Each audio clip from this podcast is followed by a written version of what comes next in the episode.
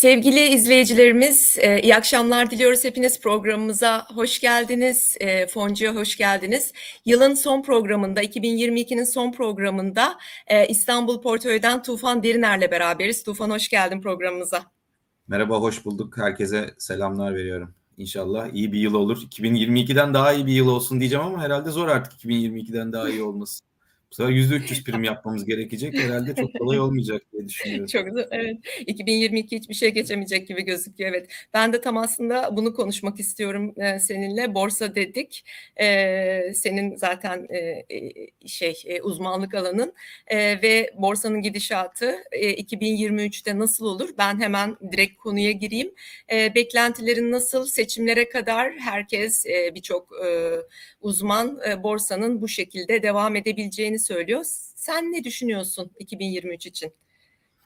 Evet şöyle e, gerçekten 2022 çok esasında yılın başında beklediğimiz bir yıl mı oldu? Esasında çok da beklediğimiz önceden bu yılın böyle yüzde 200'lerle primlerle kapanacağını falan kesinlikle ağzımızdan telaffuz ettiğimiz şeyler esasında değildi. Ama e, sonuçta hani hep şunu söylüyorduk biz yıl başında 1.4 dolarlar bizim borsamız için koşullar ne olursa olsun yani ki ekonomik açıdan hani koşulların çok iyi olmadığı bir sürecin içindeydik. Hani hep diyorduk ki hala çok ucuz yani böyle bir hisse senetlerinin olma şansı olmadığı bir sürecin içindeydik. Bütün hisse sahiplerinin geri alım yaptığı ve e, hani onların da ucuz bulduğu bir sürecin içinden geçtik. Ondan sonra bir sürü hikaye yaşadık Türkiye'de ve daha sonrasında hani artık TL tarafındaki bu faiz indirim sürecinin inanılmaz yoğun olmasından dolayı da TL tarafında paranın işte sonuçta tahvillerin geldiği fiyat, e, overnight tarafında Merkez Bankası'nın açıkladığı gösterge olmadığına karar verdiğimiz 2022 yılındaki e, faiz, bütün bunlarla beraber paranın tek gidebilecek yeri borsa kaldı. E, borsada bu süreç içinde iyi performans gösterince hani yabancı tarafında da çok fazla artık stok kalmamıştı. Bir de son dönemdeki işte bu değer artışlarıyla beraber pasif fonların yani MSCI gibi, FTSE gibi fonların da buraya gelmesiyle beraber piyasanın çok hızlı bir şekilde e, yukarı gittiğini gördük. Güzel bir herkes herhalde e, borsa tarafında karlı, güzel bir 2022'nin sonuçta sonuna geliyoruz. Hani bizler açısından da İstanbul portföy açısından da ben hani rakiplerimize ya da meslektaşlarımıza da baktığımız zaman genelde bütün portföy yönetim şirketleri açısından güzel bir yıl geçti açıkçası. Yani hani bu kadar ekonominin çok canlı olmadığı, dünyadaki faiz arttırım sürecinin içinde en çok zorlanacağımız sene diye düşündüğümüz e, senede böyle bir tarihi en iyi performansın olması tabii ister istemez enteresan oldu. Ama tabii her şey ömür boyu sürecek manasına e, gelmiyor. Yani hani bahsettiğimiz bu yolculukta çok ucuz dediğimiz yerden şu anda neredeyse 3 dolarlara gelmiş durumdayız. Dolayısıyla hani artık kesinlikle ve kesinlikle ben bor, ucuz bir borsamız var e, demiyorum. Ucuz hisseler muhakkak var ama geçmiş dönemde gördüğümüz o rally havasını bundan sonraki süreçte görür müyüz? Ben açıkçası görmeyeceğimizi düşünüyorum. Ama konjöktürü değiştiren şu an için bugünden yarına bir şey var mı? Konjöktürü de değiştiren bir şey yok. Dolayısıyla bence önümüzdeki süreçte borsa bir süre daha yukarı gitmeye devam edecek. Riskler bir süre daha e, artmaya bence önümüzdeki dönemde e, devam edecek. Ama işin sonunda 2023 yılı bence iyi foncularla kötü foncuların ayrıldığı bir yıl olacak diye düşünüyorum. Yani çünkü birazcık bence e, yetenek gerektiren ve piyasayı önceden tahmin edebilmek gibi bir de bir kere çok önemli bir yıl içinde bir önemli bir seçimimiz var. Yani bunun etkisi zaten e, bence çok büyük olacak. Bir de ben bir yerden sonra yurt dışının da e, şeyi artık anlayacağını düşünüyorum. Ne derler bu, bu kadar faizlerin artmasının hani hiç etkisi yok acımadık gibi bir e, yurt dışının şu anda bir tavrı var. Ben 2023'te bu tavrın çok fazla olamayacağını düşünen taraftayım. Yani benim tersime de düşünen çok e, e, ekonomi tarafında yorum yapanlarda bu, hani böyle bir düşünce de var. Ama benim düşüncem bunun ağırlığının yavaş yavaş artık ben e, yurt dışı piyasalarda da oluşacağını düşünüyorum. Dolayısıyla yüksek faiz Türkiye'nin sonuçta hiç sevmediği bir şey. Yani yurt dışında yüksek faiz Türkiye'nin hiç sevmediği bir şey. Ee, onun dışında seçim olması bir risk. Bir de buna yüzde 200 bir primle giriyoruz 2022 yılında yaptığımız. Dolayısıyla Hani hala faiz olmayacak seçime kadar. Hala kurlar baskı altında olacak. Dolayısıyla hani borsadan başka çok fazla bir e, paranın kayabileceği esasında bir yer yok. Ama ne kadar temkinliysek 2022'de 2023 yılında daha temkinli olmamız bir yıl olduğunu söylemem e, bence yüzde yüz doğru olur. E, daha dikkatli olacağız. Daha seçimlerimizde daha şey olacağız. Belki artık yavaş yavaş yüzde yüz hisse senedi taşıyanlardan daha az manevra kabiliyeti daha yüksek olan fonlara doğru birazcık e, geçiş yapmamız gereken bir dönem olacak. Çünkü sonuçta hisse yoğun fonlar bu hisseleri taşımaya o süreç içinde devam edecekler. Çok da fazla kendilerini koruma şansları bir yere kadar olabiliyor. Eğer piyasanın bozulacağını hissediyorsak bence önemli olan şey bu manevralar içinde gene para kazandıracak yerlere kaymak. Çünkü bir yerden sonra da bence belki de 2023'ün en büyük senaryosu da belki Türkiye'de bono almak olacak. Yani hani onu da bilmiyoruz. Hani izleyip göreceğiz oluşacak şeyleri. Ama ben muhakkak bir yerde bir bono rallisini 2023'te çünkü benim beklentim bir yerden sonra yani böyle bir düzenin devam etmeyeceğini düşünüyorum. Dolayısıyla böyle bir düzen devam etmeyeceği için bonoların bir yerden ciddi bir satış yedikten sonra ben bir enflasyonda geri geliş ve onunla beraber de bir bono rallisini belki yılın ikinci yarısında e, hani görebiliriz diye düşünüyorum ama ilk etapta orada da o tarafta da bir hani bono tarafında da bir olumsuz bir e, gelişmeyi sanki yaşayacağız diye düşünüyorum. Bonoların kesinlikle e, yerinin artık aşağı doğru yerinin anca zorlamayla olduğunu işte bankalara gelen yeni kurallarla beraber hani belki birazcık oradan gelebilir ama onun dışında artık bu seviyelerden bono almanın çok fazla mantıklı bir durum olmadığını düşünüyorum. Dolayısıyla çok farklı e, bence seçim sonucuna göre çok farklı senaryolar, çok farklı paranın gideceği yerler ve bunları iyi takip etmek gereken bence daha temkinli olunması gereken bir sürece giriyoruz. Yani şey diyemiyorum 2023'te böyle 2022 gene, gibi gene yüzde 200 daha gideriz açıkçası diyemiyorum. Zaten yüzde 200 daha gitsek aşağı yukarı en, doların da sabit olduğunu düşünseniz hayatımızda görmediğimiz bir dolar bazında bir yere geliyoruz. Yani yaklaşık 9 dolarlara geliyor. Hani öyle bir şeyin olma ihtimali zaten hani e, yeni dönemde söz konusu e, değil. Dolayısıyla birazcık temkinli olacağımız bir yıl olacak. Peki e, Tufan e, bankacılık hisseleri hani e, diyorsun ya 1.4 dolarlardan 3 dolarlara kadar geldik. Evet artık çok e, ucuz değil borsamız. Ama bankacılık hisseleri içinde e, aynı şey söylemek e, mümkün mü yoksa onların hala ucuz olduğunu düşünüyor musunuz? Bence yani çok güzel bir soru. Şöyle çok güzel bir soru. Mesela bizim seçim öncesi kafamızdaki oyun planlarımızdan bir tanesi de bu. Yani hani e, seçim öncesinde bence artık bu hızlı yukarı giden hisselerden birazcık eksilip belki bunu dönem içinde yapıp birazcık da banka hisselerine yöneldiğimiz, işte holding hisselerine yöneldiğimiz bir süreç uygularız gibi geliyor. Ama yani burası Türkiye tabii şeyler çok hızlı değişiyor. Hani dinamikler çok hızlı değişiyor ama hani bugünkü kafamızdaki e, genel intib intiba o yönde. Çünkü şöyle bir durum var. Çarpanların 20'lerin üstüne çıktığı e, hisse senetlerinden bahsediyoruz. Şimdi bu bunlar da evet büyüme çok iyi. Ya bunların da hepsi bu arada çok çok iyi şirketler. Ve e, bu böyle hızlı yükselmenin arkasındaki hikayeleri de inandığımız, beğendiğimiz ve hani desteklediğimiz hikayeler ama biraz hak ettiklerinden fazla çabuk aldık yani bu hisseleri. Yani ben o yüzden açıkçası birazcık daha şey yapıyorum. E bugün hala Sabancı Holding, Koç Holding bunlar hala 5 çarpanların altında işlem görüyorlar. E bankalar deseniz yani gerçekten neredeyse 2 yıllık karına işlem görüyorlar. Hadi, hadi belki 2 değil ama 3 yıllık karlarına işlem görüyorlar. E şimdi bunları diğerleriyle mukayese ettiğiniz zaman bir yerden sonra da eğer biz buraya planlarımızın içinde 2023'te bir yabancının tekrar geleceği fikri var ise bir noktadan sonra o zaman bence buradaki en revaçta olacak hisselerde senin söylediğin gibi bankalar ve e, hisse senetleri olacak diye düşünüyorum. Evet yani bankacılık zaten yabancının hissesi, hissesi diyebilir. Evet doğru. Kadir Bey'in de bir sorusu var. E, Tufan Bey e, diyor seçime bir ay kala tamamen hisselerden çıkmak yerine güçlü büyük dürüst holdinglere ait şirket şirketlerde kalmak daha mantıklı olur mu diye sormuş Kadir Bey. Evet, ben zaten soruyu görmeden e, aşağı yukarı bunun mantıklı olduğunu zaten biraz evvel e, söyledim. Yani hani belki son birkaç aya bırakmadan bunu kademeli olarak hani artık belli bir seviyeye ulaştığını hissettiğiniz hisselerden biraz biraz satıp ondan sonra yavaş yavaş oraya gelmek lazım. Şeyler çok satıcı. Yani bence ona da dikkat etmek lazım. Hisse sahipleri ciddi olarak piyasalarda şu anda satıcı olduklarını görüyoruz. Yani her her hafta işte geçen bir birisi güzel bir özet çıkartmış. Aşağı yukarı geçen hafta yaklaşık 6 milyarlık hisse satılmış. Yani hani şimdi e, az buz rakamlar değil bunlar. E bir yandan da halka arz e, süreci de açıldı. Oradan da sonuçta ciddi bir şeyler geliyor. Şimdi artık önümüzdeki süreçte de küçük şirketlerin dışında bazı büyük şirketlerin de geldiğini görüyoruz. Şimdi mesela Ahlatçı'nınki büyüktü. Ondan sonra önümüzdeki dönemde işte birkaç tane daha gelecek. Astor'un geliyor mesela o da büyük.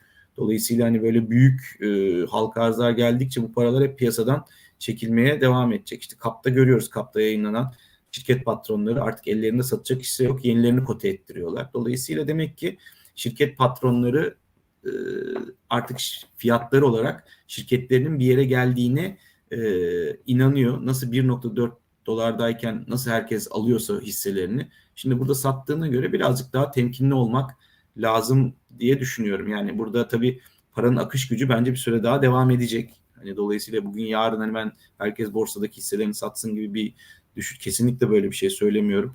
Belki de seçimden sonra daha da kuvvetli bir hani böyle kısa süre için kuvvetli bir rally göreceğiz. Ee, işte bu holding ve bankacılık hisseleri e, eşliğinde. Dolayısıyla hani şu anda rakipsiz gözük duruyor. Rakipsiz olmaya devam edecek ama biraz temkinli olmak lazım ama sorudaki fikre ben yüzde yüz katılıyorum ve bu eğer bugünkü yaşadığımız ortam içinde bir değişiklik olmaz ise önümüzdeki dönemde de uygulayacağımız bence fonlardaki stratejilerden bir tanesi bu olacak. E, Nurullah Bey'in sorusu da e, 2023 hızlı hareketlerin olabileceği bir yıl gibi görünüyor diyor. Bu açıdan portföy hareket alanını genişletmek adına serbest ve değişken fonlara yönelmek doğru olur mu diye sormuş. Ya işte biraz evvel esasında gene söylemek istediğim buydu. Yani %100 hisse senedi taşıyan fonlar sonuçta bu sene en iyi getiren fonlar esasında onlar oldu. Hani bazı serbest fonlar onlara katıldı. Hani bizim de şu anda İstanbul portföydeki 2-3 tane fonumuz %200'ün üstünde bir getiriyi hani bu sene e, sağladı. Dolayısıyla e, birazcık daha hareket kabiliyeti yüksek olan fonlara geçmenin daha doğru olduğunu düşünüyorum. Yani içinde iç tüzüğünde yazan o yüzde yüz hisse senedi artık taşıman lazım gereken fonlardan zaten bugüne kadar taşıdıysanız bayağı hakkıyla parayı zaten bugüne kadar ben kazandığınızı düşünüyorum. Buradan hani bugünden yarına çıkmak demek de çok ma- maliyetli olabilir. Çünkü dediğim gibi yani biz bir süre daha sanki devam edecekmiş gibi duruyor borsa. Ama kademeli olarak hem hala borsadaki yükselişi alabileceğiniz ama daha hareket kabiliyeti yüksek serbest fonları ben beğeniyorum. Çok güzel serbest fonlar var.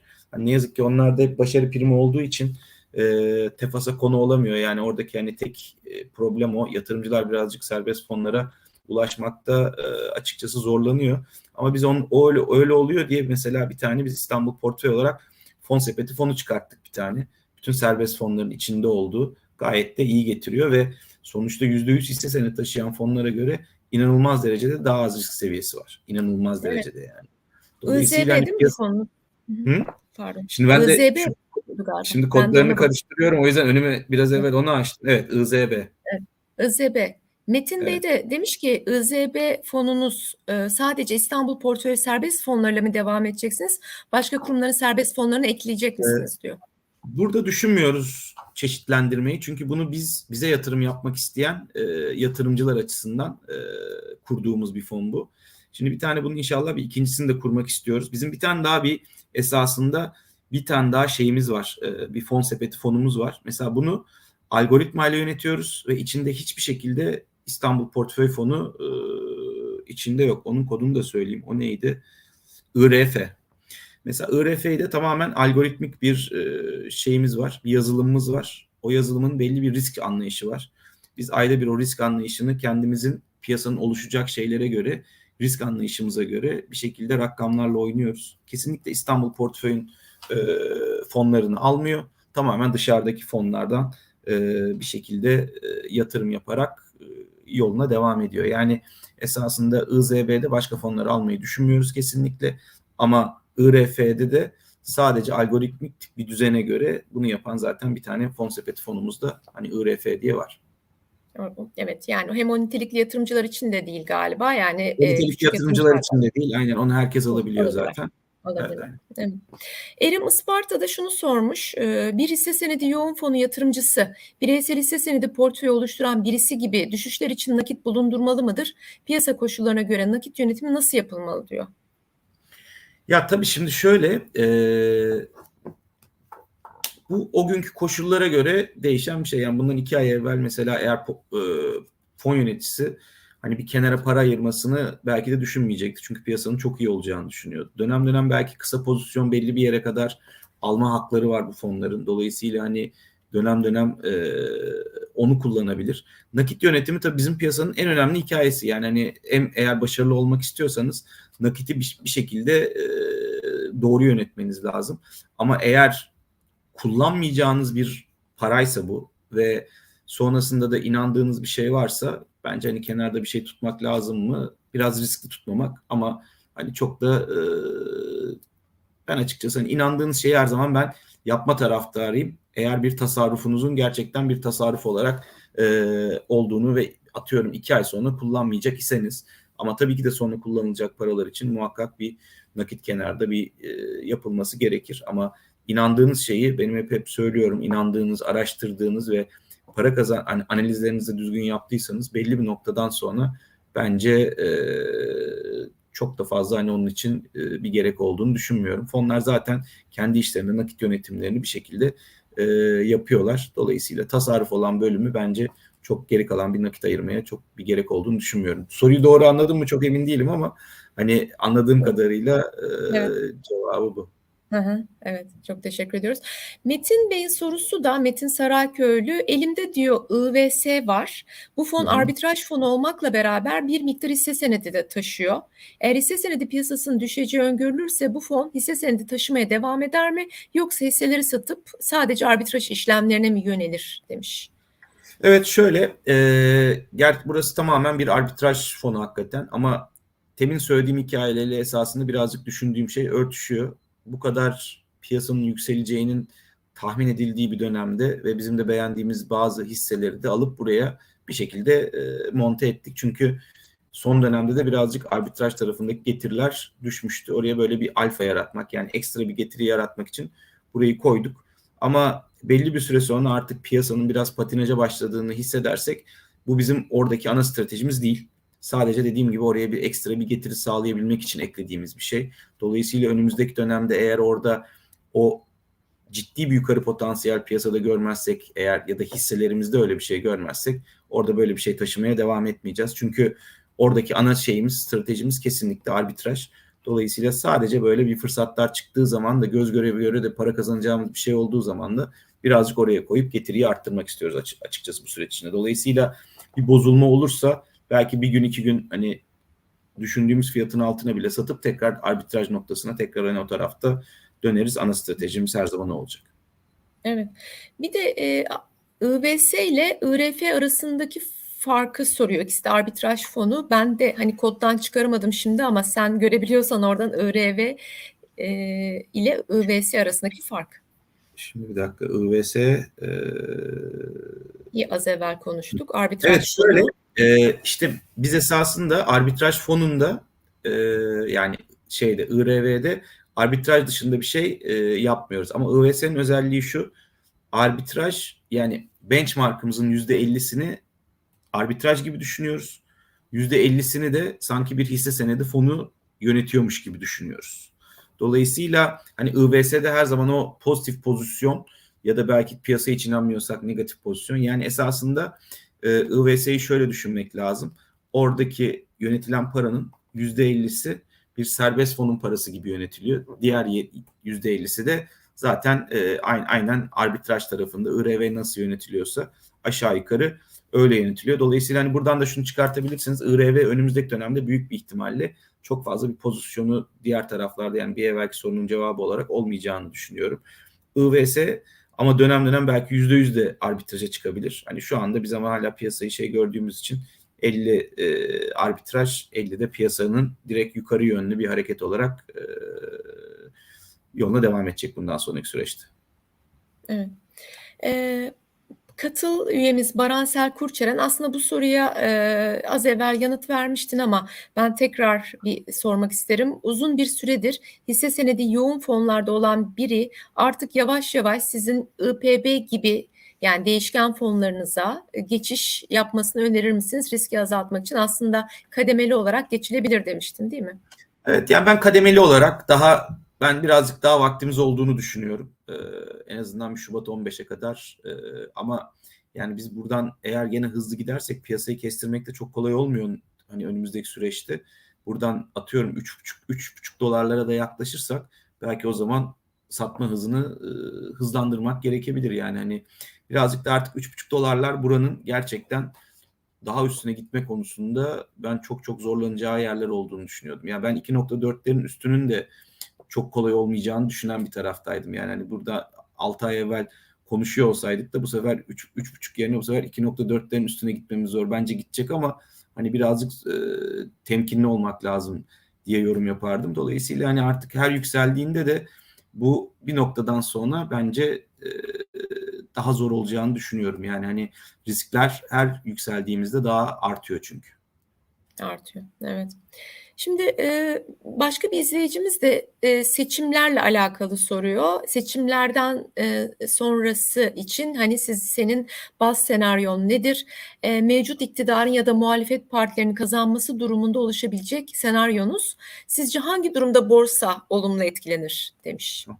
Şimdi bence çok güzel bir soru. Yani biz de bunu kendi içimizde konuşuyoruz. Şimdi tabii ne yapıyoruz? Anketlere bakıyoruz. Ondan sonra anketlere baktığımız zaman da böyle çok birbirinden ciddi bir şekilde kopmuş rakamları açıkçası e, görmüyoruz. Ama hani HDP'yi dahil ettiğiniz zaman artık sanki e, AK Parti tarafının meclis tarafını kazanması sanki ihtimal olarak birazcık düşükmüş gibi e, duruyor. Yani biz birazcık hesap yaparken hani acaba meclis ne olur diye düşünüyoruz ama bir yandan da mecliste de eğer bu düş- bu, bu senaryo oluşursa çok da böyle bir çoğunluğu da e, diğer taraf pek yakalayabilecekmiş gibi de durmuyor. Dolayısıyla bu senaryoyu ben kötü bir senaryo olarak açıkçası e, borsalar açısından yorumluyorum. Çünkü e, meclis tam işlevini göremeyeceği ama Cumhurbaşkanı'nın artık hangi ne tarafa denk gelir onu gör onu onu şey yapacağız. E, karar vermesi zor. Ama şimdi sonuçta bu seçimin sonucunda ya Cumhur İttifakı kazanacak ya Millet İttifakı kazanacak. Sonuçta iki ihtimalli bir sonuçta koalisyonlardan dolayı iki ihtimalli bir seçime giriyoruz.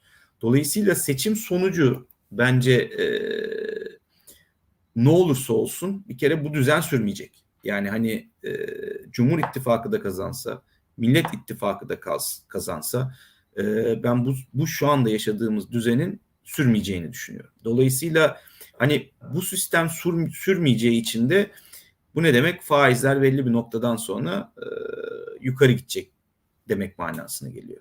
Şimdi Cumhur İttifakı bu şeyi kazanırsa eğer, e, seçimi kazanırsa eğer Evet belki faizlerde bir yukarı gidebilir ama bugün yaşadığımız ortamdan da çok farklı bir ortam göreceğimizi ben düşünmüyorum. Yani bu ne demek?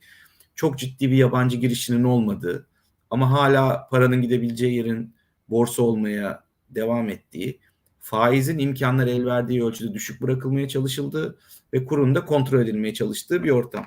Ama seçim sonrası şöyle bir problem var. Bence bugüne yani seçime kadar giden bu kontrollü sürecin seçimden sonra bence devam ettirilme şansı yok.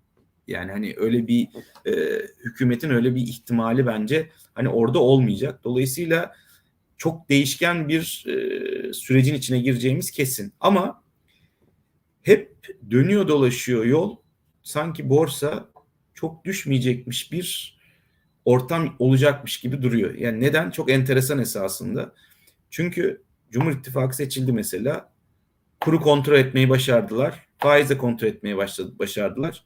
E bu düzen devam edecek zaten. Borsa yukarı. Doğru mu? Ondan sonra eğer dövizi kontrol edemediler bu sefer döviz yukarı gidecek. Borsa biraz çalkalanacak. Bu sefer gene döviz bazında ucuz kaldı diyeceğiz. Çünkü para gene gidecek başka bir yer olmadığı için. Gene bu sefer para borsaya doğru akacak.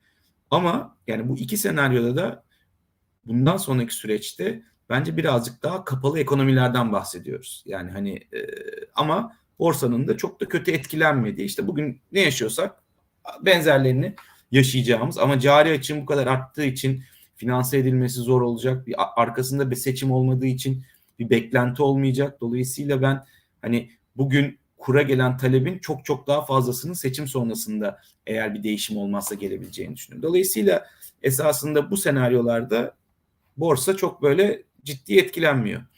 Şey e, değişim olursa eğer ne olur diye düşünürsek e, bu sefer de bir yabancı parası bence Türkiye'ye gelecektir yani bir değişim olursa. E, o geldiği takdirde de bu paranın önemli bir kısmı ilk başlangıçta gene borsaya gelecek. Dolayısıyla hani borsa için gene iyimser bir senaryo var. Yani şimdi bütün bunları söyleyip de nasıl hala temkinli olmak lazım diyorsunuz da diyebilirsiniz ama gerçekten fiyatlama olarak hani geldiğimiz seviyeler her zaman dikkat etmemiz gereken ve e, sonrasında e, bir, müzik bir anda duruyor ve bir anda durduğu zaman nasıl şu anda hepimiz alıcıyız piyasada herkes bir anda satış tarafına dönüyor ve o, o zaman e, işte alıcı olmayan bir piyasada yani yabancının da çok fazla olmadığı bir yerdeyiz. E, durum bu yani. Hani ben çok borsa açısından böyle yakın vadede böyle çökmesini gerektirecek bir etkeni çok fazla göremiyorum. Burada hani bozabilecek etkenlerden bir tanesi yurt dışı ama yurt dışından da biz etkilenmiyoruz şu anda. Yani hani borsa şu anda tamamen yerli parasıyla hareket ettiği için hani o taraftaki evet. hareketler bizi çok fazla da e, açıkçası etkilemiyor. Yani dolayısıyla enteresan bir süreç yaşayacağız ama bütün bunlar o kadar değişken ki öncesinde anketler gelecek. Bir gün gelen ankete göre piyasa volatilite yaşayacak. Yani volatilitenin çok çok daha yüksek olduğu bir kere bir sürece giriyoruz. Çünkü bu seferki önemli bir seçim. Her hep böyle de bir e, intiba da uyandırıldı.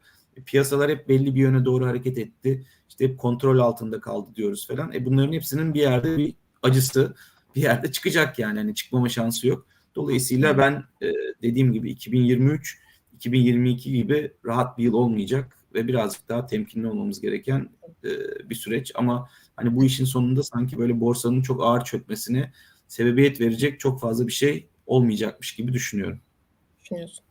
Ee, şimdi faizlerle ilgili az evvel de sen de e, bonolardan da bahsettin. E, bir de geçen hafta bakıyoruz mesela hani çok uzun uzunca bir zamandır olmayan bir şey oldu. Bankaların e, mevduat faiz oranları kredi faiz oranlarından yüksek şu anda. E, şimdi mesela gittiğinizde yüzde 27'ye 28'e e, paranızı yatırabileceğiniz bankalar var. Hani o oranları duyuyoruz. E, Haydar Bey'in sorusu bence biraz e, hani dönem olarak erken söylemiş. 2023 yılının ilk çeyreğinde diye soruyor. Ama ben bunu hani 2023'ün ilk yarısında diye belki düzeltebilirim. Mevduat faiz oranlarının borsaya bir alternatif olacağını düşünür müsünüz? demiş. Hep oldu. Yani hiç olmadığı bir süreç. Yani biz böyle bir süreci hiç yaşamadık. Yani ben yaklaşık 25-26 yıldır bu işi yapıyorum. Ondan sonra yani okuldan mezun olduğum günden beri bu işi yapıyorum. Dolayısıyla biz bir kere daha böyle bir ortam görmüştük. Sonrasında uzun süre hep devalüasyonlar yaşadık. Hep e, işte kurun yukarı gittiği e, bir süreç oldu. Şimdi e, böyle bir süreç bence mevduat her zaman borsanın çok ciddi bir rakibi olmuştu. Ama bugün şunu unutmayın. Siz bugün yüzde neresinden bakın hani düş, biraz düşecek önümüzdeki birkaç ay ama yüzde 60'ın altında bir enflasyon beklemiyoruz. Hala %60 enflasyon, %28'de paranızı niye faize koyasınız sorusunun cevabı hala e, koymamak yönünde. Dolayısıyla hani bu, bu, bu ortamın içinde şey olma ihtimali hiçbir zaman için e, yok. Şu anda hala mevduata para gidiyor olmasının tek sebebi kurun sabit tutuluyor olması. Eğer kur da sabit olmuyor olsa o para da dönüp dolarize olacaktı. Yani hani sonuçta e, çok basit düşünmek lazım esasında bu işleri. E, dolayısıyla daha mevduatın hani borsadan para alabilecek bir duruma gelmedi. Bir de şunu unutmamak lazım. Hala insanlar şu anda %50'nin üstünde kredi faizi ödeyip hisse senedi almaya razı. Dolayısıyla hani bu da e, insanların önümüzdeki süreçte yüzde 28-29 faizlere dönmeyeceğini çok net bir şekilde gösteriyor. Ama burada tekrar 5 puan üstünde bir reel faiz olsun o zaman ciddi bir şekilde borsayı e, mevduat rakibi olur ve ciddi olarak da etkiler.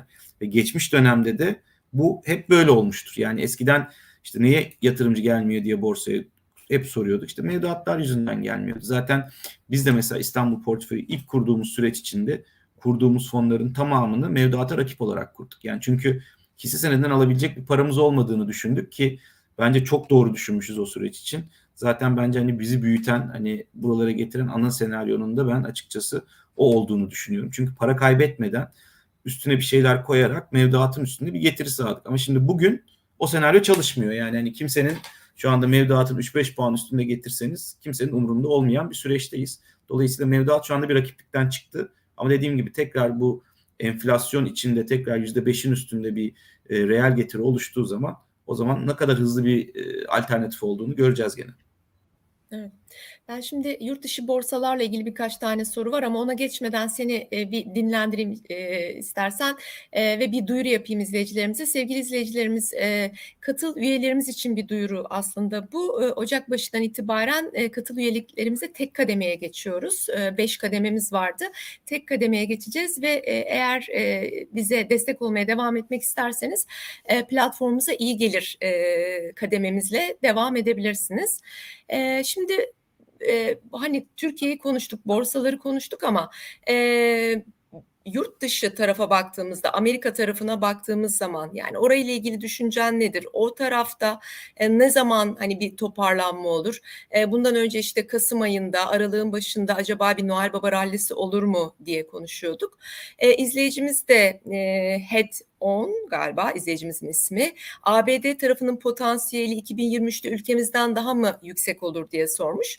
Bir de Atilla Şener'in e, sorusu. Eğer hızlı giden hisselerden çıkacak isek Amerika ve Avrupa hisseleri ve dolar bazlı emtia fonlara geçmek mantıklı mı? diye sormuş. Yani biz burada senin hem e, Avrupa Amerika borsalarıyla ilgili görüşlerini alalım hem de emtia fonları. Şimdi ben Amerika ve Avrupa hakkındaki hisseler konusunda kötümserim. Yani hani o tarafta e, ben piyasaların bunu yaşananları şu anda düşündüklerinden çok daha kolay çözülecekmiş gibi algıladığını düşünüyorum. Yani herkes yılın ikinci yarısında işte faiz indirimleri gelir diyor. Ondan sonra ekonomiler işte bu süreç içinde faiz nereye geldi hiç etkisi olmadı gibi konuşuyor. Ama ben öyle olacağını düşünmüyorum. Şimdi bir kere özellikle Avrupa'da e, ciddi bir şekilde faiz artmaya başladı. Şimdi orada esasında biz hep bu konuları unutuyoruz. Bunları 5 sene evvel çok konuştuğumuz konularda bu İtalya'nın borcu, Yunanistan'ın borcu, işte İspanya'nın borcu bunlar çok kritik konular. Yani bu faiz yükseldiğinde oradaki o yaşanacak olan resesyon ve yaşanacak sıkıntıların ben daha çok azının yaşandığını düşünüyorum. Daha hani geçmişten gelen o e, Covid zamanında hala o basılan ve piyasada dolaşan paraları çok fazla çekmeden sadece şu ana kadar faiz arttırdık. Dolayısıyla hani bundan sonraki süreçte yavaş yavaş Amerika artık parayı çekmeye gerçekten başladı. Yani bir artık bir orada bir ivme gelmeye başladı. E, onun dışında Avrupa çekmeden bir şekilde faiz arttırmaya çalışıyor. Yani bütün bunların etkisiyle ben çok bir yukarı bir potansiyel olduğunu e, Amerika borsalarında ve Avrupa borsalarında açıkçası en azından ilk yarıda olmadığını düşünüyorum. Yani tabii çok dinamik e, ekonomiler çok hızlı değişiyor. Bizim de fikirlerimiz de bazen çok hızlı değişecek birçok şey yaşayabiliyoruz. Ama oradaki mesela ev satışları datalarından gördüğümüz gene tarihin en düşük yerlerine yurt dışında gelmeye e, başladı. E, mortgage'lar çok ciddi bir şekilde arttı. Yani bütün bunları böyle bir yere koyarsanız mesela konteyner fiyatlarına bakıyoruz. Artık konteyner fiyatları Covid sürecinden daha ucuz. Yani hani Covid başlamadan evvel, Covid başladıktan sonra biliyorsunuz bir çılgınlık yaşanmıştı o tarafta. Hani ondan sonra düzelmesi de e, bayağı bir vakit almıştı. Ama şu anda neredeyse artık o başladığımız noktanın altına geldik. E, demir çelik fiyatlarını görüyoruz yani geldiği seviye.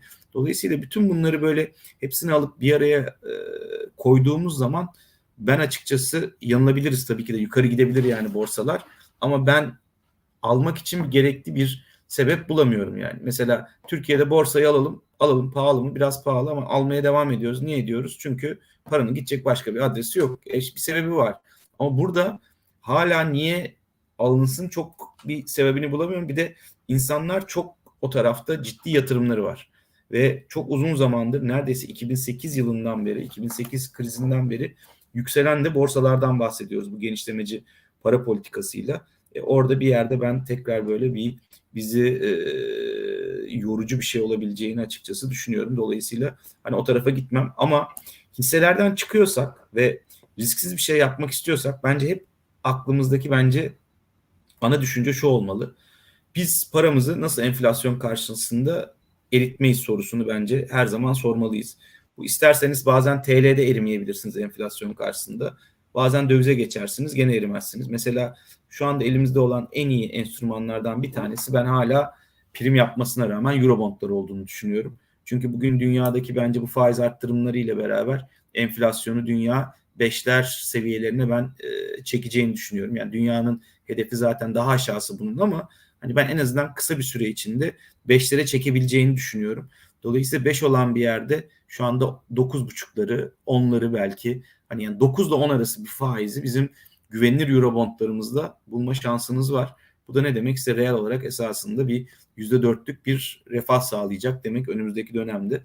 Dolayısıyla hani bence e, bu kullanılabilir. Onun dışında emtia bu kadar durgunluk olacaksa eğer dünyada emtia fiyatlarında bence bir geri çekilme devam edecektir. Yani bugün mesela ben şuna da çok inanıyorum. Eğer bugün Rusya ile Ukrayna arasındaki gerginlik olmasaydı eğer büyük bir ihtimalle e, şu anda petrol fiyatlarını biz 60'lar seviyesinde falan görüyor olacaktık. Belki 50'ler seviyesinde görecektik. Dolayısıyla hani bazen de konjöktürden dolayı böyle bir e, durum oluşuyor. E, ama parayı en iyi korumanın yolunun ben gene Eurobondlar olduğunu düşünüyorum. Sen emtia derken tabii orada endüstriyel emtialardan bahsettin değil mi? Durgunluk olacaksa eğer endüstriyel emtialarda evet, evet, aynen aynen onlardan bahsettim. Yani altın Ama- tabii belki bunun biraz dışında olabilir ama e, Evet. gene de risk var mı? Var. Yani sonuçta paranın çekileceği bir yerde her şeyde bir geri çekilme muhakkak e, olacaktır. Hani ben garantili bir şeyden para bir de eğer bu düşündüğüm senaryo benim gerçekleşecekse faizler de geri gelecek demektir bu önümüzdeki süreç içinde belli bir zaman sonra. E, öyle olursa da zaten Eurobondlarda ciddi bir şekilde bir para da kazandırır. Evet, böylelikle İbrahim Bey, İbrahim Dağdelen sizin sorunuzu da yanıtlamış olduk efendim. Eurobondlarla ilgili fikrinizi sormuş. Sen sormadan anlatmış oldun. Ee, şey diyor e, bir izleyicimiz, döviz mevduatla ciddi bir çözülme var. Ağustos'tan beri bakıyoruz, e, Tufan sen de bakmışsındır. Yani bireylerin e, döviz mevduatları yaklaşık 12,5 milyar dolarlık bir azalma var orada. Bu paraya para nereye gidiyor? Tufan Bey'in yorumu var mıdır der izleyicimiz. Paranın adresi belli. Para, para Borsa. borsaya gidiyor yani sonuçta e, bu süreç içinde gerçekten paranın adresi çok net yani hani bunun başka tartışılabilecek bir yanı yok. Şöyle düşünün biz yıllarca bu borsayı hep yabancılar aldı, daha yukarı gitti, yabancılar düştü, e, işte yabancılar sattı, borsa düştü diye yorum yapardık. Sonuçta yabancı mabancı hiçbir şey dinlemeden yerli yatırımcı piyasayı işte bu kadar yukarı götürebildi yüzde 200. İşte bu para bence tamamen yani hani o taraftan bu tarafa kayan bir e, paradan bahsediyoruz. Belki bir kısmı gayrimenkule gitmiş olabilir. Hani buranın içinde hani bu süreçte alınmış olan şeylerden bir tanesi. Ee, onun dışında da e, başka gittiği bir yer olduğunu çok fazla açıkçası e, düşünmüyorum. Kur sabit diye belki bir kısmı TL mevduata dönmüş olabilir ama bunun çok ciddi bir rakam teşkil edeceğini ben açıkçası düşünmüyorum. E, Tufan, IPB ile ilgili çok soru geliyor. Sizin değişken fonunuzla ilgili. E, biraz hani bu fonu anlatabilir misin? Bu fonun yönetimini e, izleyicilerimiz hem soruların cevaplarını bulurlar. E, bir izleyicimiz de Selim Bey, Selim Örsan, IPB'yi de serbest fon olarak düşünemez miyiz demiş. Ama tam olarak neyi kastettiğini anlayamadım. Ben valla çok hoşuma gidiyor. Yani yatırımcılar bizden daha güzel yorumlar yapıyorlar. Gerçekten IPB'yi birazcık bir serbest fona e, benzetebilirsin. Tek fark içinde bir o kısıtların hala IPB'nin içinde olması yani nedir bu işte bazı hisselerden %10'dan fazla alamıyorsun ya da 4 tanesinden işte neyse yani yüzdelerle ilgili kısıtlarımızın olması dışında ondan sonra esasında bir serbest fon gibi düşünmen onu e, çok çok doğru. Yani esasında yönetiliş şekli birebir e, Tefas'taki yatırımcıların alabileceği o kurallara tabi nitelikli yatırımcı özelliği ayrılmayan bir esasında serbest fon olarak düşünmek bence yüzde yüz doğru olur diye e, düşünüyorum. Yani çünkü kısa pozisyonu var, uzun pozisyonu var, yurt dışında hissesi var. Yani hani böyle e, her tarafta böyle fırsatı nerede görürsek eğer e, o tarafa doğru yönelen bir fon olarak düşünmek doğru olur diye düşünüyorum. Yani hani bundan sonraki süreçte sadece bu tarz fonları ve bizim serbest fonlar da buna dahil hani sadece borsanın bir parçasıymış gibi düşünmek bence e, çok doğru olmaz. Çünkü biz orada birçok enstrümanı aynı anda kullanmaya e, özen gösteriyoruz açıkçası. Bazen ihalelere girip Eurobond'u alıp hemen satabiliyoruz falan. Yani hani o taraflar tam bir esasında serbest fon olarak düşünmek e, ama daha kuralları kuralları olan ve e, o kurallara uyan e, şeye de nitelikli yatırımcıya da satılmadan tefasla satılabilir. Başarı primi olmayan bir fon olarak düşünmek kesinlikle doğru olur. Evet. Bir sorumuz da IAR ile ilgili. IAR tefası açılacak mı diye sormuş Berke Uslu. Hı hı. Veya benzer yönetime veya aynı yönetime sahip fonlar tefasa gelecek mi? IAR almak istiyoruz fakat tefası açık değil demiş. Evet.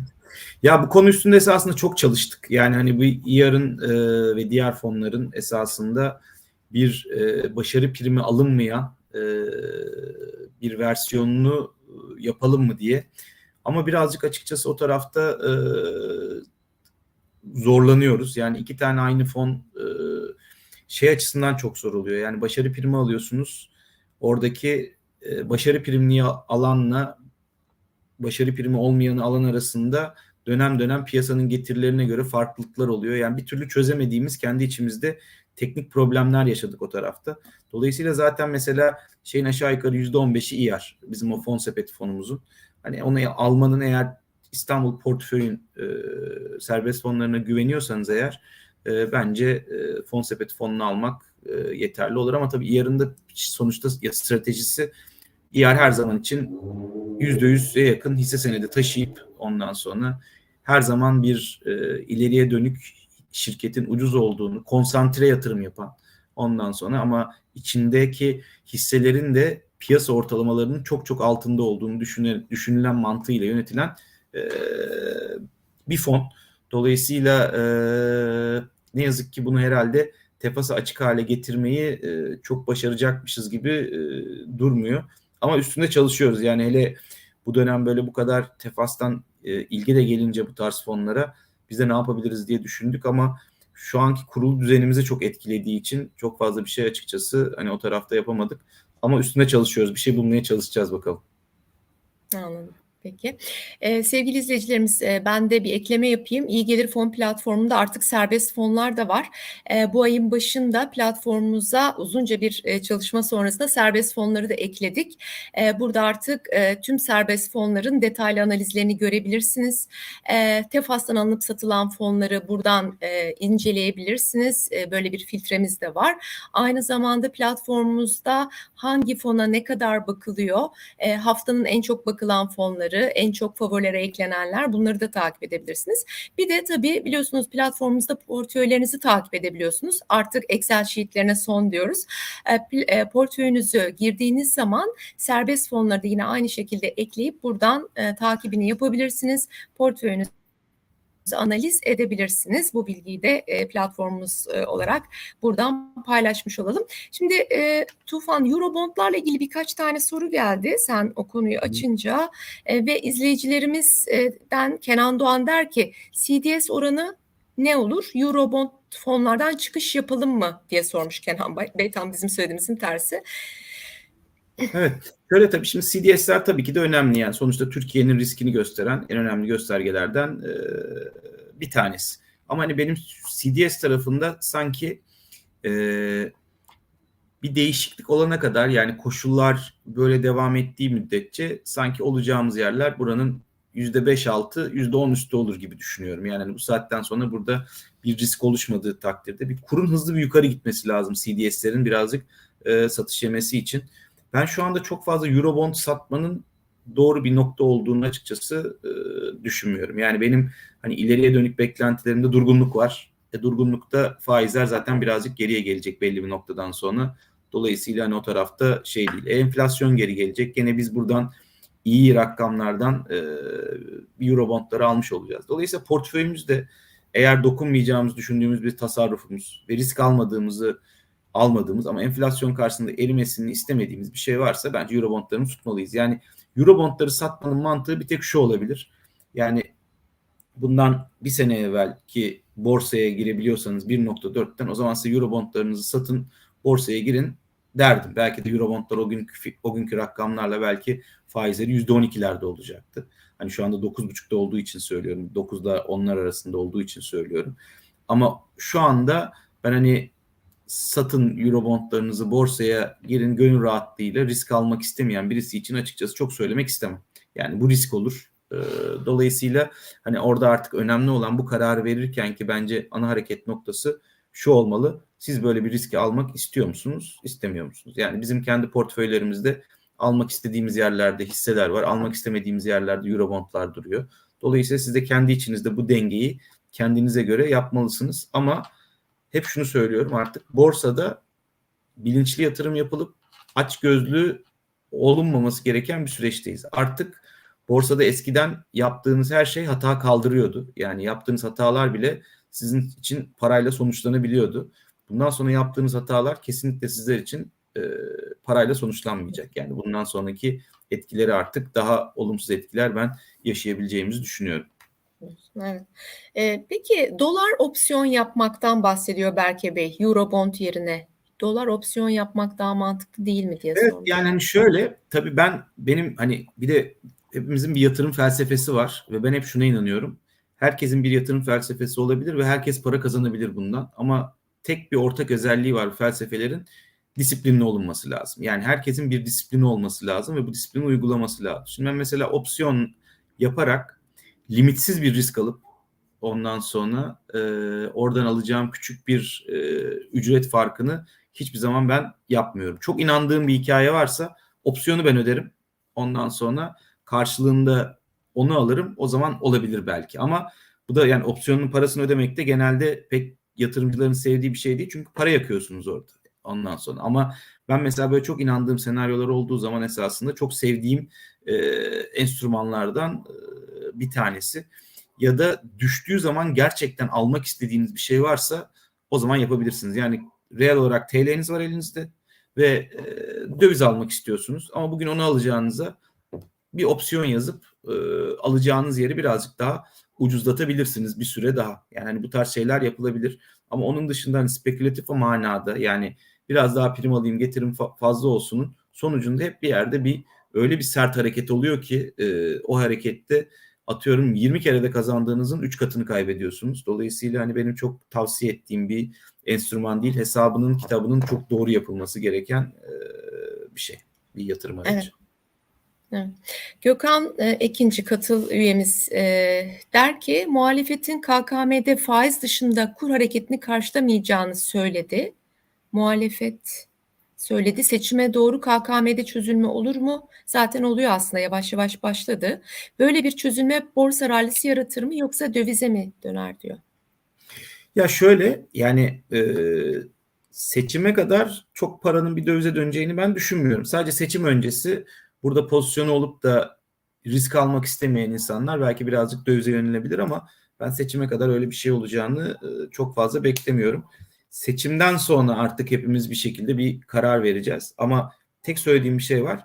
Seçime ne olursa olsun makul risklerle gireceğimiz noktaya da geleceğiz. Yani ben ben kendim olarak hani ve fonlarım olarak büyük bir ihtimalle seçime girdiğimizde ertesi gün fonlarımızı ne para kazanacak ne para kaybedecek şekilde büyük bir ihtimalle formatlayıp artık ondan sonra kararımızı pazartesi günü belki de dönüp e, %5 üstünden alacağız ya da %5 altına sat. Artık hani o gün koşullar nasıl oluşacaksa birazcık da onu bekleyip e, görmek lazım. Çünkü hepsinin farklı bir etkisi var. Farklı bir etkisinin olması dışında da e, nasıl davranacakları konusunda da e, çok bir fikrimiz yok. Çünkü ne diyoruz yani temin senaryoları kurarken söylediğim iki tane şey var. Sonuçta bir millet ittifak gelebilir ya da cumhur.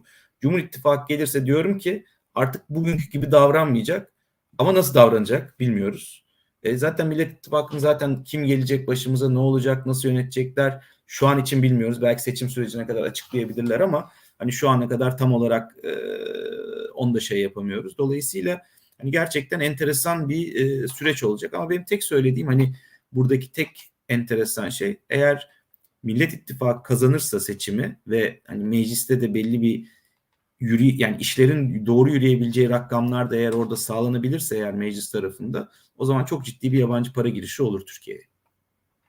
Dolayısıyla hani evet. KKM falan artık ne olacağını bence birazcık e, seçimden sonra göreceğiz. Artık KKM'den gelecek olan çözülmeler böyle borsayı çok ciddiye alıp da yukarı götürecek bir paranın ben o taraftan geleceğini çok da fazla düşünmüyorum. Evet. Şimdi bir gene fonunuzla ilgili teknik bir soru Selim Örsan'dan. Ee, fon sepeti ÖRF, fon sepeti fonunda simülasyon geçmişe dönük test yapıldı mı? Yapıldıysa aşağı yönlü riskini sormuş ama tabii bunu e, belki teknik Ya tarafta şöyle sürekli yapılıyor orada o testler ve Hı hı. biz bunları ama tabii orada tek yaptığımız şey bir şekilde e, riskini birazcık biz ayarlamaya çalışıyoruz. Yani belki şu anda hani birazcık daha riskli fonları al diyebiliriz algoritmaya şu anda. Ama seçime yaklaştıkça belki risk seviyesini birazcık hani o süreç içinde yapabiliriz. Ama hani bu tarz testleri e, bize bir şeyden mail atarsanız hemen arkadaşlar size riskte bunların ne olduğu konusunda ben size bir ce- hemen oradan cevap yazdırtırım zaten. Evet, e, kaptaki mail adresinizden atabilirler herhalde değil mi? Aynen. Hı hı, tamam. Tuğba Evrim de yarınki toplantı borsayı etkiler mi diye sormuş. 2020 2021'deki 20 Aralık gibi bir müdahale ne zaman gelebilir? Herkesin de korkulu rüyası bu. Öyle bir müdahaleyi bekliyor herkes. Ee, şöyle e, ben açıkçası artık bundan sonra seçimin bir milat olduğunu düşünüyorum. Dolayısıyla hani oraya kadar gidene kadar ki hiçbir noktada ben bugünden farklı bir şey olmayacağını varsayarak hep e, yorumlarımı yapıyorum. Dolayısıyla öyle düşündüğümüz zaman da pek bir toplantıların pek bir etkisi olmayacak hiçbirinin yani o, o tarihe kadar.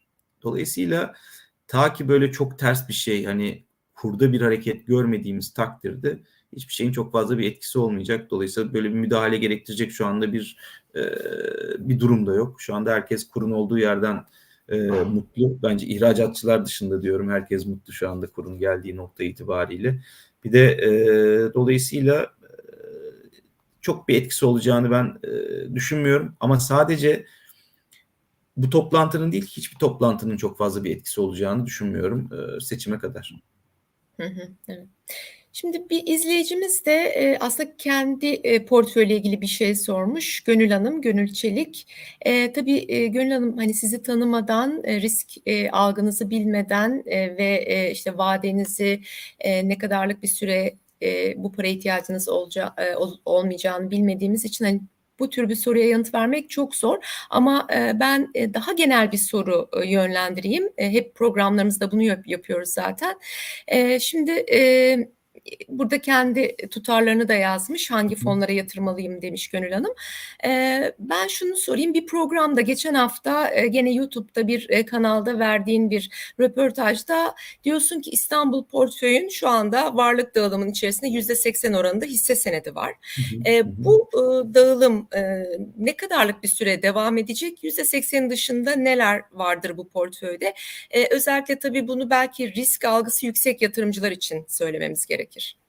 Evet. Şimdi şöyle esasında biz serbest fonlar serbest fonların zaten hani bizim biz mesela İstanbul portföy olarak serbest fonları seven bir ekibiz. Yani hani e, Tefas'ta çok fazla böyle önde fonumuz esasında yok. Çünkü biz Türkiye'nin çok dinamik bir yer olduğunu düşünüyoruz ve bu dinamiklik içinde de o şeylerin içinde çok fazla kuralların içinde hapsolmak açıkçası biz hiçbir zaman istemedik. Çünkü istiyoruz ki istediğimiz zaman istediğimiz hareketi yapabilelim. Şimdi bizim birçok fonumuz esasında ağırlığı son e, yaklaşık belki de 10 yıldır yani hani kurulduğumuz günden bugüne gelene kadar %50'nin üstünde bono taşıyan fonlar bunlar. Şu anda %80 hisse senedi taşıyorlar. Yani neden? Çünkü temin söylediğim hikaye mantık çok basit. Ben paramı yatırımcımın parasını enflasyon karşısında eritmek istemiyorum. Yani hani ve göz göre göre de ondan sonra 80 enflasyon olan bir yerde gidip 15 ile kağıt alıp ya da 30 da kağıt alıp hadi yani şu anda gelen yerlerin hani en iyimser rakamı söyleyelim. 30 da kağıt alıp garanti olarak yatırımcılarımın parasını eritmek istemediğim için şu anda hisse senedindeyim. Ne zaman ki bunun dışında bir fırsat bulurum ya da kazandığımın da beni 6 ay idare edebileceğini hissederim. Yani şimdi sonuçta biz de bu sene 200'ün üstünde bir para kazandık. Belli bir noktadan sonra biraz daha para kazanırız ve o noktadan sonra da ben risklerin artık çok arttığına inanırsam eğer o zaman belki başka bir yöntem bulacağız ama buradan çıkan paranın bence gidebileceği en iyi adres ilk ilk etapta Eurobondlar gibi duruyor. Yani hani onun dışında da ben açıkçası çok fazla parayı nereye yatırırız diye bir şey düşündüğümüz zaman çok fazla bir şey bulamıyorum. Mesela biz bu dönemde işte bir tane o yüzden kısa dönemli bir tane şey yaptık. Eurobond fonu kurduk. Ee, orada böyle şeyler yaşanmıyor. Ne derler? Getiriler belki 9.5'lar değil ama getiriler 6'lar 7'ler ama istediğiniz zaman girip çıkabileceğiniz likiditesi olan bir yıldan bir buçuk yıldan uzun içinde kağıt olmayan e, bir fonumuz fon kurduk mesela. Yani niye? Esasında hazırlık yapıyoruz. Yani bir yerde bir değişiklik olması gerektiğinde hani geçebileceğimiz bir fonu yarattık orada. Dolayısıyla hani bir süre eğer risklerin öyle olacağını düşünürsek yani şöyle düşünün bir de TL faizin 12'lerde kaldığını varsayın. Eurobond'u da onunla alıyorsunuz. Yani gayet güzel bir dünyada da enflasyon oranı e, 4'lerde 5'lerde olursa gayet bence e, yapılabilecek bir şey. Ama şu an için e, dediğim gibi e, yapacak başka bir şeyimiz yok. Yani herkes gibi biz de hisse senedinde olmaya bir süre daha devam edeceğiz. Ama belki de önümüzdeki dönemde yavaş yavaş yavaş yavaş azaltacağız. Hani bundan sonra ama şunu söyleyebilirim. Mesela portföy oranımız tekrar 81'e büyük bir ihtimalle hiçbir zaman çıkartmayacağız hisse senedindeki. Yani 80 olmaya devam ederiz orada. Ama burada üstüne ekler miyiz bu seviyelerden? Eklemeyiz. Yani bir şey satarız belki yerine başka bir şey alırız. Ama ekleme manasında bu seviyelerin artık ben üstüne çıkacağımızı yani buradan hisse senedi riskimizi arttırmayacağımızı 2023 yılında kesin olarak e, söyleyebilirim. E, hani şeyler bunlar tabii altın falan bunlar çok karar vermesi gerçekten çok zor e, enstrümanlar. E, bir de bu yan, bir yandan da e, fonları seçerken de lütfen iyi araştırın. Zaten artık herkes bence bizden çok bilgili. Yani gelen sorular bence seninle burada yayın yaptığımız bir iki sene evveline göre gerçekten çok çok güzel sorular geliyor ve çok bilgili sorular geliyor. O yüzden hani e, ilk, o tefası da yani hep şey diyorum yani tefası da gerçekten yaratanların da e, bir teşekkür etmek lazım. İnanılmaz sorunsuz müthiş bir e, sistem kurdular. Her şeyini görebiliyorsunuz. Risklerini, şusunu, busunu. Yani gerçekten bu sektörü büyütek, büyütme manasında bence bu süreçte Tefas'ın çok çok çok çok büyük katkısı oldu. Evet, aynı zamanda iyi gelir fon platformuna da evet, teşekkür edebiliriz. Evet. Orada da e, fonların e, Tefas'ta e, risk e, getirilerini evet görebiliyorlar. Ya iyi gelir fon on... fonlarla ilgili her şeyi görebiliyorlar. Aynen ya esasında onu da söyleyecektim. Yani gerçekten bu tarz çok fazla e, yatırımcıyı bilgilendiren yer esasında çok fazla yok. Hani buradaki bu bilgilendirme esasında sonuçta portföy yöneticileriyle yani finansal okur yazarlığı yüksek olan fon yöneticileriyle esasında bu işe meraklı insanları buluşturmak açısından, doğru insanları bulmaları açısından da bence size de ciddi teşekkür etmek lazım. Önemli bir iş yapıyorsunuz yani bu süreç içinde. Ee, işte inşallah bakalım izleyip göreceğiz bundan sonrası ne olacak diye. Evet, teşekkür ederiz. Son soru e, Haydar Aslaner'den. E, Haydar Bey der ki yeni yılın ilk çeyreğinde Mart'a kadar İstanbul portföyün hangi fonlarından bir sepeti ne or- oranda önerir Tufan Bey? Yani bize evet. İstanbul portföyden bir sepet yapsan. Evet şöyle yani hani orada benim söyleyeceğim şey şu. Biz zaten fonların içinde bu işi yapıyoruz. Yani hani esasında bizim en büyük hani hep baştan beri söylediğim hani niye esasında e, hani serbest fon tarafında bu kadar yoğunuz derseniz zaten biz kendi şeyimizi kendi içimizde çözüyoruz. Dolayısıyla. Ama mesela ne yaparız belki bu süreçte? Birazcık daha işte dediğim gibi o Eurobond fonlarımızdan da birazcık bir sepet. Yani birazcık daha böyle portföyü destekleyecek. Ama eğer borsa buradan da yüzde yüz çıkarsa ki ben hani o kadar yüksek fazla yükseleceğini düşünmüyorum ama hani buradan da yüzde yüz çıkarsa yüzde elli portföyümüzün yükseleceği yapı yaratacağı bir bir fon bir fon sepeti yapardık. İşte burada işte birazcık yarımız olurdu ondan sonra. Yani hepsi esasında hepsinin kendine göre bir destekleyen bir yapısı var. Yani ben bunda bu tarafta İstanbul fon portföyün hangi fonlarını alalım serbest fonlarını diye düşünüyorsanız bence hiç kafanızı yormadan bizim e, orada fon sepeti fonumuzu alın. Zaten biz orada onu da sizin için düşünüyoruz. Ondan sonra dolayısıyla yani onu almanın ben açıkçası önümüzdeki süreçte doğru olacağını düşünüyorum. Çok özür dilerim. Ben en başta gelen bir soru vardı bir serbest fonunuzla ilgili. Tabii, onu tabii. sormak istiyorum. Ee, son soru demiştim ama onu da atlamak istemem. FYA'yı sormuştu bir izleyicimiz. Ee, son zamanlarda çok iyi gidiyor. Bu başarıyı sağlayan faktörler nelerdir acaba demiş. Ben de bizim platformdan baktım. Y- e, yıllık galiba %149'luk bir getirisi Evet, var evet. yanlış hatırlamıyorsam. %109'luk. Yani daha üstü fonlarımız da var. Ama ben hep şuna bakıyorum. Yani bence şu çok önemli. Hani ben buradan e, bizi takip edenlere de onu öneriyorum. Yani başka fonları e, bulmak açısından. Bir de bu sürecin şöyle de bir avantajı oldu. Bence bu kadar borsaya ilginin artması, işte Tefas'tan bu kadar yatırımcının gelmesiyle beraber çok bence artık ben kendimi genç olarak görmüyorum ama çok iyi genç portföy yöneticileri de çıktı yani bu süreç içinde. Onları zaten herkes zaten iyi kötü takip edip biliyorlar. Dolayısıyla hani o da piyasanın gelişmesi açısından faydalı oldu ama ben hep şunu öneriyorum. Ee, lütfen bir de böyle gidip bir 3 yıllık 4-5 yıllığa bakın yani Tefas'tan. 3 yıllık 5 yıllık veriler de orada var. Hani son 3 yılda ne olmuş? Mesela biz hani son 3 yılda herhalde en çok kazandıranların ilk sayfasında 3 ya da 4 tane e, fonumuz var. Yani bu ne demek istiyor esasında? Her dönem biz o fonların içinde ayarlamaları düzgün bir şekilde yapıp sonuçta yapılması gerekeni piyasalarda neyse e, bir şekilde uygulamanın yolunu e, buluyoruz. Dolayısıyla hani FEA da bunlardan bir tanesi. Dönem dönem hepsinde esasında birazcık daha farklı stratejiler uygulayabiliyoruz. Hani birazcık mesela FEA tarafında e, inandığımız hikayelerde birazcık daha fazla mesela son dönemde biraz kısa pozisyonlarımız vardı. O biraz getiriyi yer gibi yaptı ama sonra elindeki hisseler çok iyi prim yapınca işte o sizin bahsettiğiniz çok iyi bir e, son dönemde bir e, sürece girdi. Dolayısıyla hani bence burada esas bir fon yöneticisinin başarısı 3 yılda 5 yılda ne yaptı? Yani böyle bir yılda zaten hisse senedi taşıma oranınız 80 iken zaten taşıyorsunuz. %200 kazandım diye bir şey söyleyemezsiniz ama bence esas iyi fon yöneticilerinin yayına başladığımızda da onu söyledim zaten birazcık. Zaten iyi fon yöneticilerini bence böyle 2023'te yaşayacağımız seçim zamanındaki bence çalkantı zamanı belirleyecek. Yani esas orada göreceğiz bakalım neler yapılması gerektiğini, doğrunun ne olduğunu. Çünkü bir noktada ben şunun olacağını inanıyorum. Bono'nun tekrar bir yerde çok böyle bir ilgimizi çekecek bir noktaya geleceğini ben e, Bono'nun düşünüyorum. Bakalım izleyip göreceğiz gelişmeler ne olacak ama volatil bir herkese volatil bir 2023'e ben hazır olmalarını söylüyorum. Şubat 15'e kadar çok fazla bir volatilite göreceğimizi de düşünmüyorum. Yani hani bugüne kadar gördüklerimiz neyse o ama sonrasında bence bayağı e, eğlenceli piyasalarımız olacak. İnşallah eğlence herkesin e, para kazandığı bir e, ortam doğurur. Evet, evet biz de öyle umuyoruz. Ee, sana da çok güzel bir sene diliyoruz İstanbul Portföy'de Tufan. Çok teşekkür ediyoruz programımıza katıldığın için.